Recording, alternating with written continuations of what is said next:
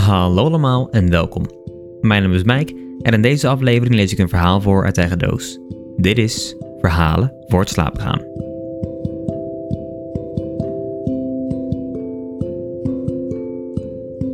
Het verhaal dat ik in deze aflevering voor ga lezen is misschien wel een van de kortste verhalen tot nu toe.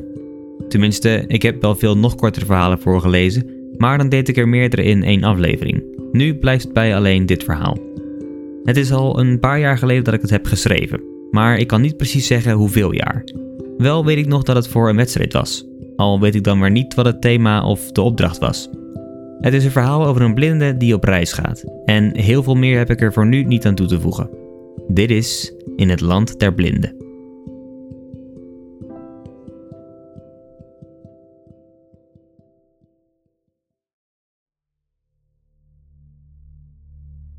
In het Land der Blinden.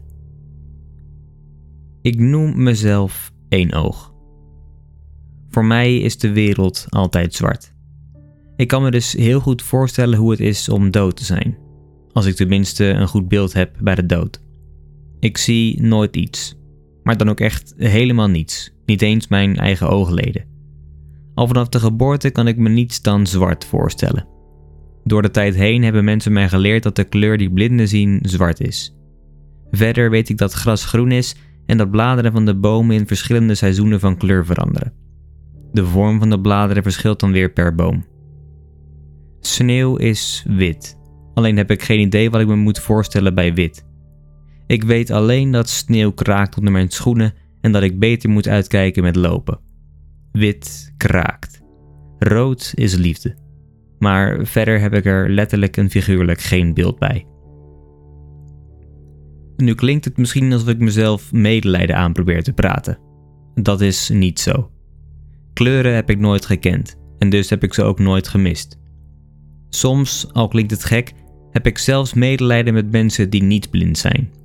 Die zien alles zoals het is, kijken objectief naar objecten. Ze leven in afgesloten cellen, waar een afstandsbediening een afstandsbediening is, een boek een boek en een kleur een kleur. Bij mij is alles steeds weer anders. Ik maak er een spel van om mijn fantasie te gebruiken wanneer er iets aan me wordt beschreven. Dan vraag ik ze geen kleuren te gebruiken, maar vraag ik naar vormen, geuren, structuren. Dan sluit ik mijn ogen, zonder dat dat echt nodig is, en haal ik wonder boven wonder een beeld voor mijn ogen, dat ik schilder in mijn gedachten. Dan zie ik hoe het licht valt op de bergen, waar krakend sneeuw langzaam smelt, en hoe dat licht door wolken, die volgens de beschrijvingen aan zouden moeten voelen als watjes, straalt. Het heeft iets romantisch. Nee, medelijden is het laatste gevoel dat ik probeer op te roepen. Er was eens een dag, zo'n vijf jaar geleden, dat ik besloot dat ik op reis wilde.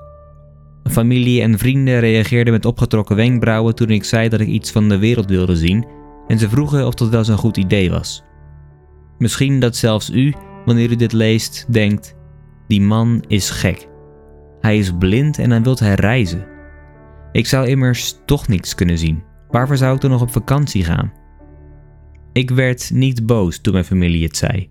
Ik ging niet huilen, voelde me op geen enkele manier aangevallen. Nee, ik lachte ze uit en ben toch op reis gegaan. Ik voelde medelijden met hun blik op mijn blindheid. Nu is het natuurlijk wel zo dat er iemand van de familie mee moest, voor mijn eigen veiligheid. Dat vonden mijn ouders, die onderhand allebei met pensioen waren, geen probleem. Ze waren het dan misschien niet met mijn beslissing eens, maar ze vonden wel dat ze het mij niet konden onthouden. Zo was het dus dat ik binnen enkele weken, met goede moed en een beetje hulp van mijn ouders, het vliegtuig instapte en de Atlantische Oceaan overvloog, op weg naar de westkust van de Verenigde Staten, waar de natuur net zo divers was als de steden en hun inwoners. Natuurlijk is me dit tijdens de reis verteld. Ik kon het zelf niet zien. We reden langs de kust. Met het raam open hoorde ik de gierende wind, de golven die tegen de rotsen sloegen en de krijsende meeuwen. De kleine kiezeltjes die waren afgesleten van de rotsen waar langs we reden knarsten onder de autobanden. Ik voelde de hitte van de zon door het open raam op mijn wangen schijnen. Voor mijn dichte ogen zag ik een natte zee, met golven van misschien wel 5 meter hoog. Met een surfer die uiteindelijk verdween onder het water en even later weer proestend opdook. Een paar dagen later kwamen we bij de Vallei der Doden, Death Valley. Het was er warm, warmer dan ik ooit had meegemaakt. Vooral Badwater was voor mij indrukwekkend. Mijn ouders begeleidden mij. Ik wilde per se naar het middelpunt van Badwater. Midden in de grote vlakte die ik niet zag, maar op de een of andere manier perfect kon voelen. Ik kon me voorstellen hoe mijn ouders omhoog hadden gekeken naar het bordje waarmee het zeeniveau wordt aangegeven. In mijn hoofd zag ik ze er naar kijken, het in zich opnemen, dan hun schouders ophalen en verder gaan. Wanneer dat beeld vervaagde, zag ik mezelf van een afstandje in een diep gat, met honderden meters boven ons, boven op de klif, een enorm meer dat dreigde over te stromen. Ik rilde en glimlachte. Alles was hier anders dan in ons land. Het rook anders, de lucht voelde anders, de geluiden waren voller, rijker dan in ons land. Elke ervaring was een verademing, ondanks dat ik niks kon zien. Van mijn ouders hoorde ik bijna niets. Zij keken en zagen, hadden verder niets toe te voegen. Soms lachten we samen, hadden we goede gesprekken, maar ik kan mij niet voorstellen dat zij het beter hebben gehad dan ik. Ook toen we weer eenmaal thuis waren, kreeg ik dat gevoel. Wanneer ik bij mijn ouders was en er vrienden op visite waren, wilden ze alles weten van de reis die we hadden gemaakt. Mijn ouders hadden alles gezien. Zij hadden foto's gemaakt. Zij hadden een beeld bij de uitzichten, konden de kleuren voor zich halen en aan de anderen beschrijven. Maar de visite vroeg niet naar foto's.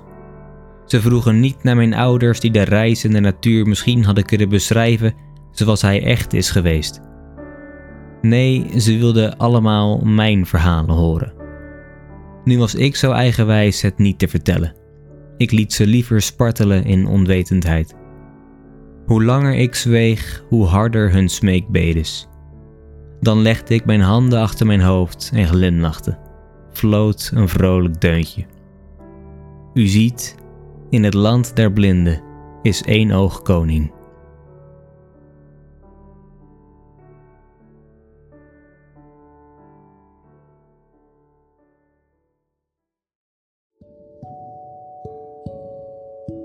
Dat was in het land der blinden. We lezen mee met een man die blind is en dus geen idee heeft van hoe de wereld eruit ziet. Toch lukt het hem door zijn andere zintuigen te gebruiken om op zijn manier een beeld te vormen van zijn wereld. Wanneer hij na opgetrokken wenkbrauwen van zijn familie en vrienden genegeerd te hebben op reis gaat, vormt hij aan de binnenkant van zijn ogen de mooiste beelden van de zee, van de wegen en Death Valley. En aan het eind van het verhaal blijkt dat de mensen veel meer interesse hebben in de verhalen van de man dan van zijn ouders. Uiteindelijk is het volgens mij een verhaal over hoe de verbeelding soms zelfs mooier kan zijn dan dat wat je daadwerkelijk voor je ziet. Dus hou je ogen open, maar sta je ook niet blind op van alles. Mocht jij nou ook een verhaal hebben geschreven en wil je dat terug horen op de podcast, ga dan naar www.verhalenwoordslapengaan.com slash inzenden. Of klik op de link in de beschrijving van deze podcast en wie weet lees ik hem binnenkort voor. Voor ik afsluit nog één dingetje. Het luisteren van de podcast is gratis, maar het maken is dat niet. Natuurlijk vind ik het hartstikke leuk om te doen. Maar mocht je bij willen dragen aan de verbetering van zowel de inhoud als de kwaliteit van de podcast, dan kan dat via PayPal of Kofi. De link daarvoor staat in de beschrijving. En een deel van de donaties komt ook op jullie terug, in de vorm van bijvoorbeeld giveaways en andere leuke prijzen.